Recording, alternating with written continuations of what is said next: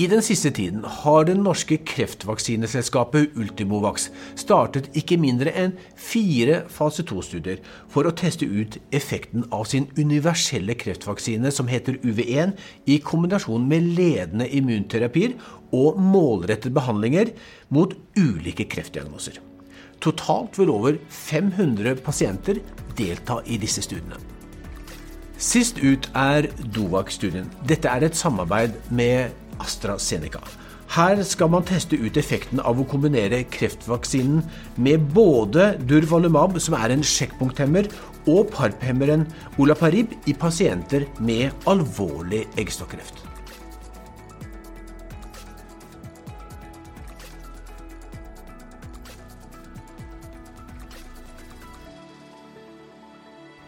Med oss i studio er Kristina Lindmann. Du er overlege ved avdeling for gynekologisk kreft ved Oslo universitetssykehus, og er nasjonal koordinator for denne studien i Norge. Velkommen skal du være. God morgen, tusen takk. Vi har også med, deg, med oss deg, Jens Bjørheim. Du er medisinsk sjef i Ultimovax. Hjertelig velkommen til deg også. Takk for det, og takk for invitasjonen. Kristina Lindemann, aller først til deg. Fortell oss om denne Dovak-studien. Hva er det dere nå setter ut for å finne? Mm. Eh, tusen takk for invitasjonen igjen. Studien er jo et samarbeid mellom NSGO, altså Nordisk eh, Society of Gynecological Oncology, som da er sponsa av studien og har gått i et samarbeid med Ultimovax og AstraZeneca. Det er en trearms randomisert studie, mm. eh, hvor den første arm er olaparib alene. Eh, så er det i arm to olaparib eh, kombinert med en checkpoint inhibitor dovalumab, og så kommer da den stjele den interessante tredje arm, som da inkluderer også UV1. Um, det er pasienter som er i en respons på platinumbasert behandling som skal inkluderes her. Og hovedmål er jo da å finne en, en klinisk meningsfull forlengelse av tid til neste tilbakefall, dvs. Si progresjon, mm. mellom arm A, altså olaparibalene, uh, uh, sammenlignet med en trippelkombinasjon. Mm.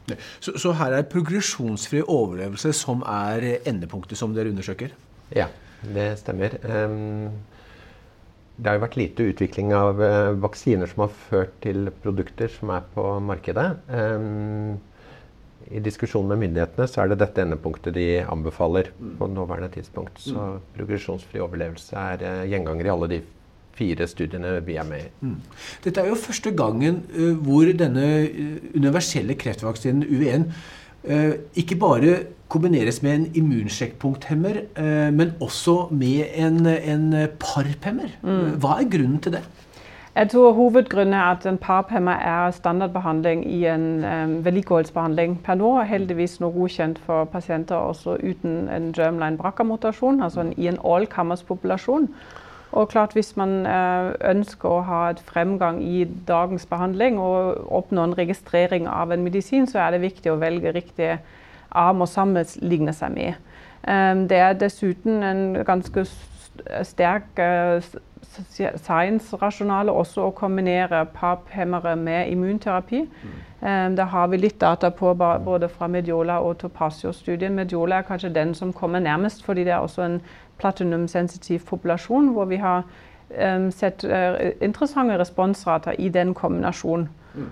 Og Hovedgrunnen er at man tenker at um, en PAP-hemmer vil kunne føre til um, økt DNA-skader, selvfølgelig, og um, økt antigenrepresentasjon på um, tumorens som gjør de mer følsomme for checkpoint-inhibitorer. Mm. Du får et høyere antigenload i neoantigenload i svulsten.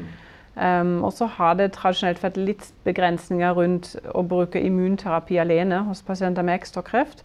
Og vi er da ute og, og ser etter synergier. Og da tenker jeg særlig den kombinasjonen med vaksinen ekstremt interessant, fordi du vil ha en økt T-cellerespons som forhåpentligvis øker den, immun, uh, den immunresponsen generelt i denne, mm. mm. denne populasjonen.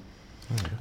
Jens Bjørnar, Dette er jo en multisenterstudie, så Norge er jo en viktig del Og det er jo hyggelig at et norsk firma kan teste ut legemidler i Norge. Men hvilke andre sentre er også med i studien? Altså det er, eh, først er vi veldig fornøyd med at vi får lov til å være med i denne studien. Eh, veldig godt miljø å samarbeide med, NSGO og en godt eh, paraplyen i Europa. Det er totalt ti land i Europa som vil være med i studien. De nordiske og noen baltiske land, og en del land fra Sentral-Europa. Og studien er jo planlagt startet eh, med inklusjon av pasienter nå første halvår mm. eh, i år. Da. Når er det vi kommer til å se de første resultatene fra studien? De får vi jo ikke sett før vi har nådd endepunktet. Mm. Så, og siden endepunktet er progresjonsfri overlevelse, så er vi nødt til å vente på de resultatene. Og det er jo forskjellen til fase 1-studiet, at uh, vi er nødt til å ikke smugtitte i dataene før de er modne. Mm. Um, så det vil ta noen år. Noen år ja, um, så det er 100 pasienter som skal inn, enrollment-tid på rundt to år. Mm. Um, så det vil ta litt tid. Vi har en forventet progresjonsfri overlevelse i en arm A kanskje som ligger rundt ni måneder. Det er det vi har sett i Opinion-studien og fra NOVA-studien. Så kan man seg regne litt frem når man har nok events da, for å kunne se forskjell mellom de armene. Mm. Så dette blir jo en av fire viktige fase 2-studier for Ultimovax. Uh, Jens Bjørnheim, uh, altså, hvordan er hypotesen Hvordan er det da uh, Ultimovax sin vaksine Hvordan er det den da skal virke for, for Ta konkret denne Dovax-studien. da, Hvordan skal den virke for å, å, forsterke effekten av de to andre legemidlene, altså denne immunsjekkpunkteren og parpemmeren? Altså, uh, UV1-vaksinen den inneholder tre peptider som er sekvenser fra et enzym som heter telomerase. Og eh, telomerase eh, det er et enzym som er skrudd på i rundt uh, 80-90% av all kanser, og er nødvendig for kreftcellene for å kunne ha evig celledeling. Så det er en av de tidlige mekanismene som eh, er til stede i kanser. I ovarikreft så er Eh, telomerase eh, vanlig forekommende.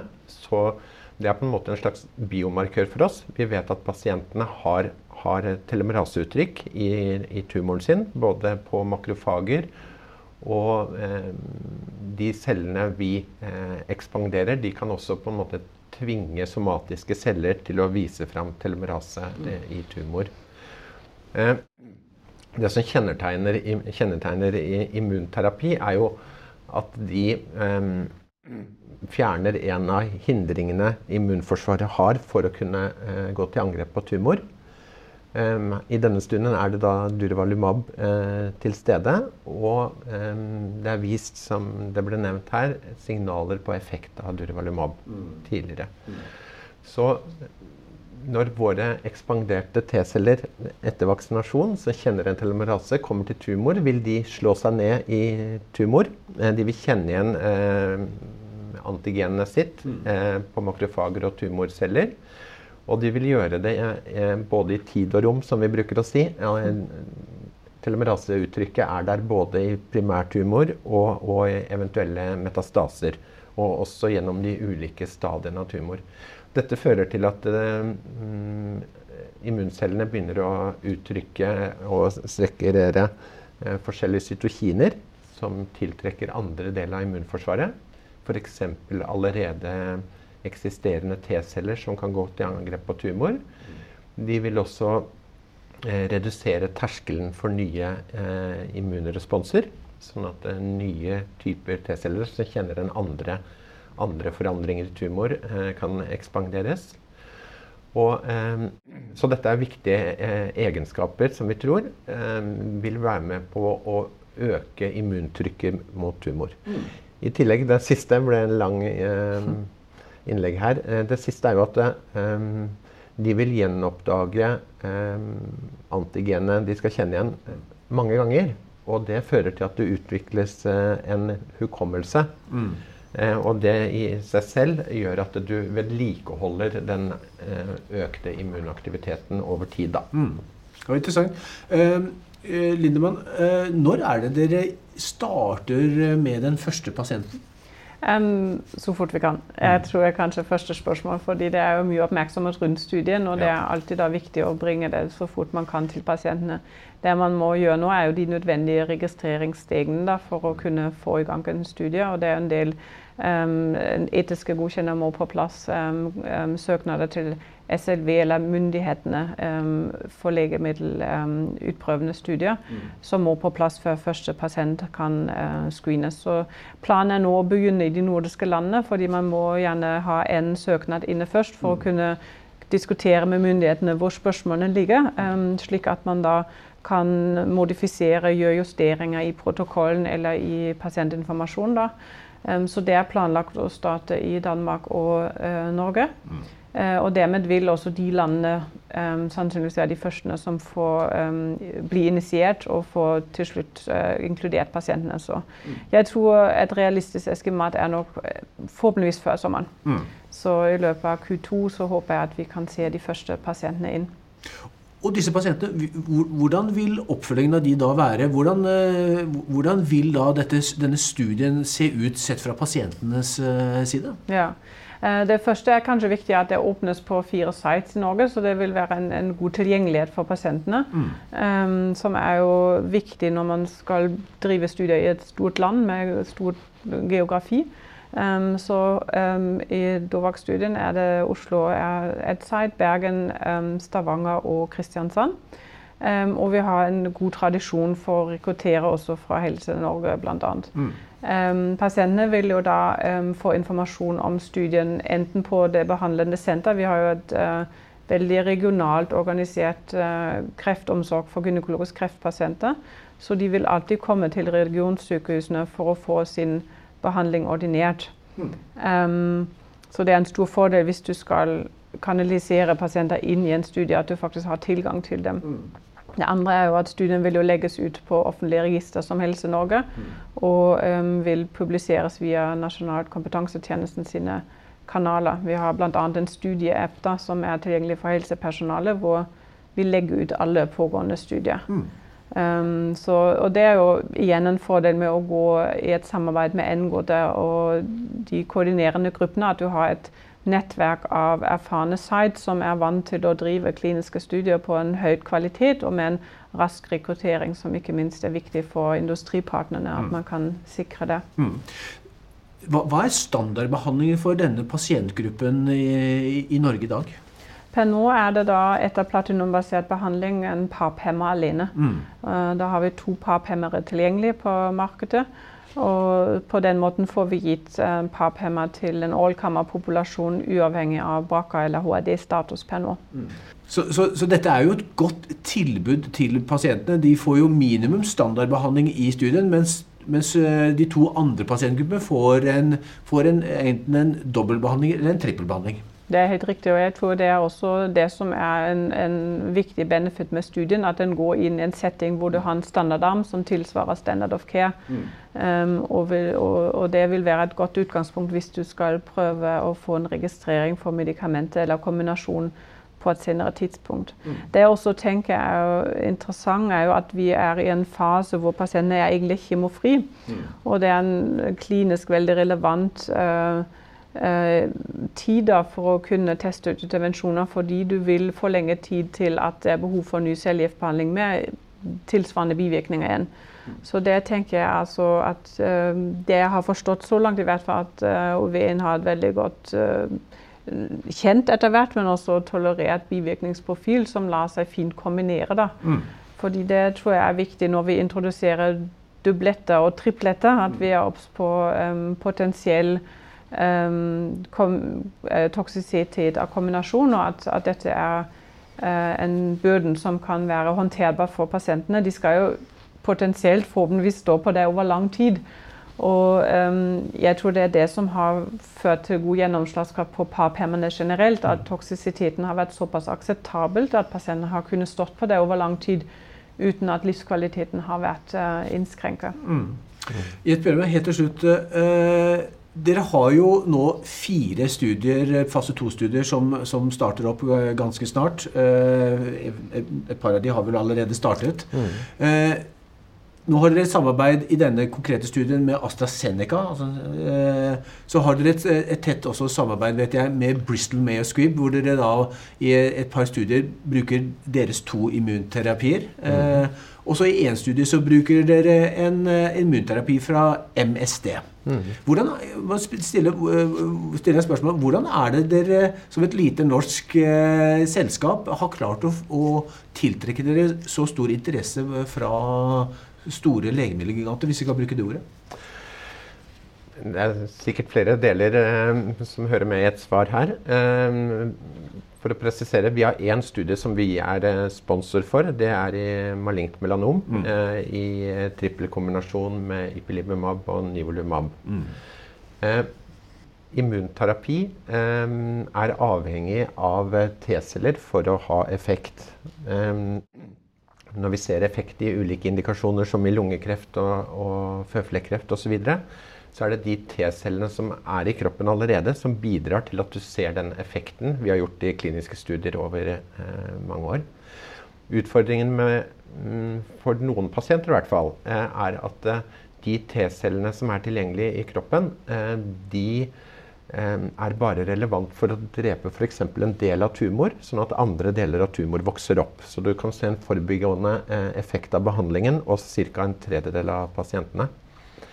Eh, siden telomerase er såpass universelt eh, til stede i 80-90% av de med kanser, så eh, er det så, hypotetisk sett i hvert fall, de T-cellene som dannes, er relevant for større del av tumor. Så vi har vært veldig opptatt av å mm, presentere oss som firma. Vi ønsker å teste vaksinen vår i flest mulig indikasjoner der telomerase er skrudd på. Og da har det jo vært eh, forskningsmiljøer da, som synes dette har vært eh, interessant. Mm. Um, og det kom jo egentlig ganske beleilig sammen med at immunterapi har blitt standardbehandling i mange indikasjoner. Mm.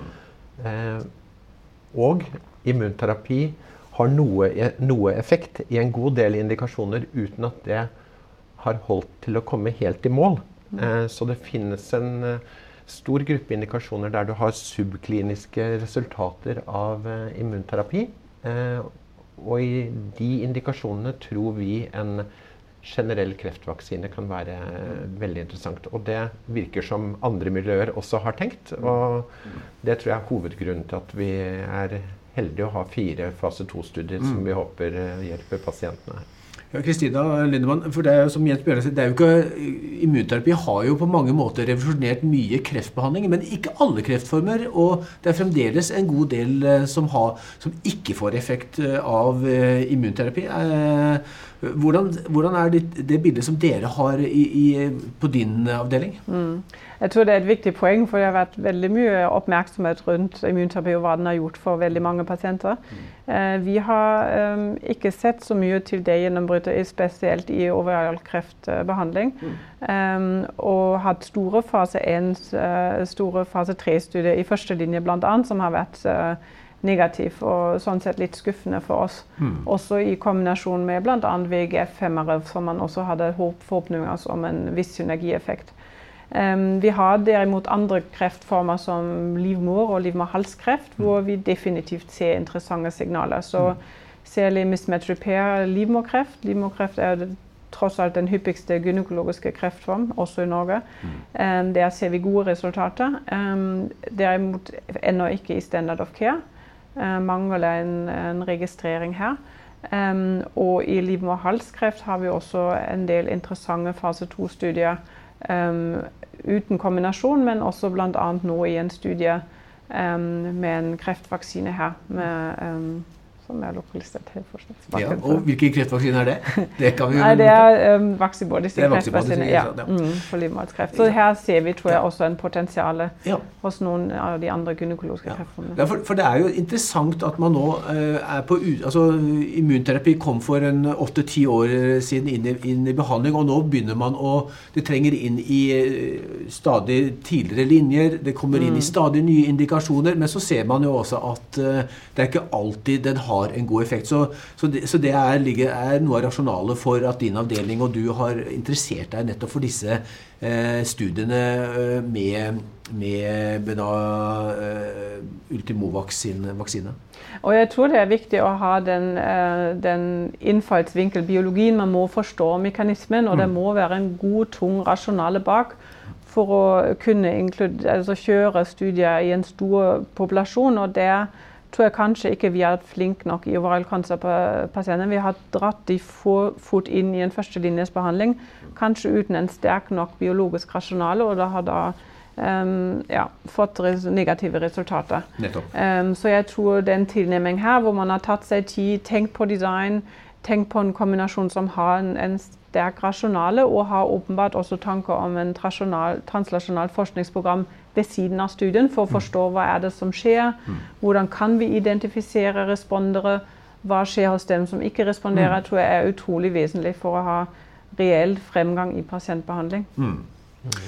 Jens Bjørnheim og Kristina Lindmann, hjertelig takk for at dere ville komme i studio og dele synspunkter. Det blir jo spennende nå å se uh, hva disse resultatene blir. Det ligger noe, noe år frem i tid. Mm. Men, men uh, dere som, som, jobber med disse studiene, vil jo for, noen pasienters del kunne se individuelle effekter fallen. Og definitivt. Og det er jo det som er driveren i klinisk praksis, ja. og blant, uh, bak det å drive med kliniske studier. at ja. du at du er hands on og du er i forefront. og Det er en uh, veldig stor glede for oss å være med her.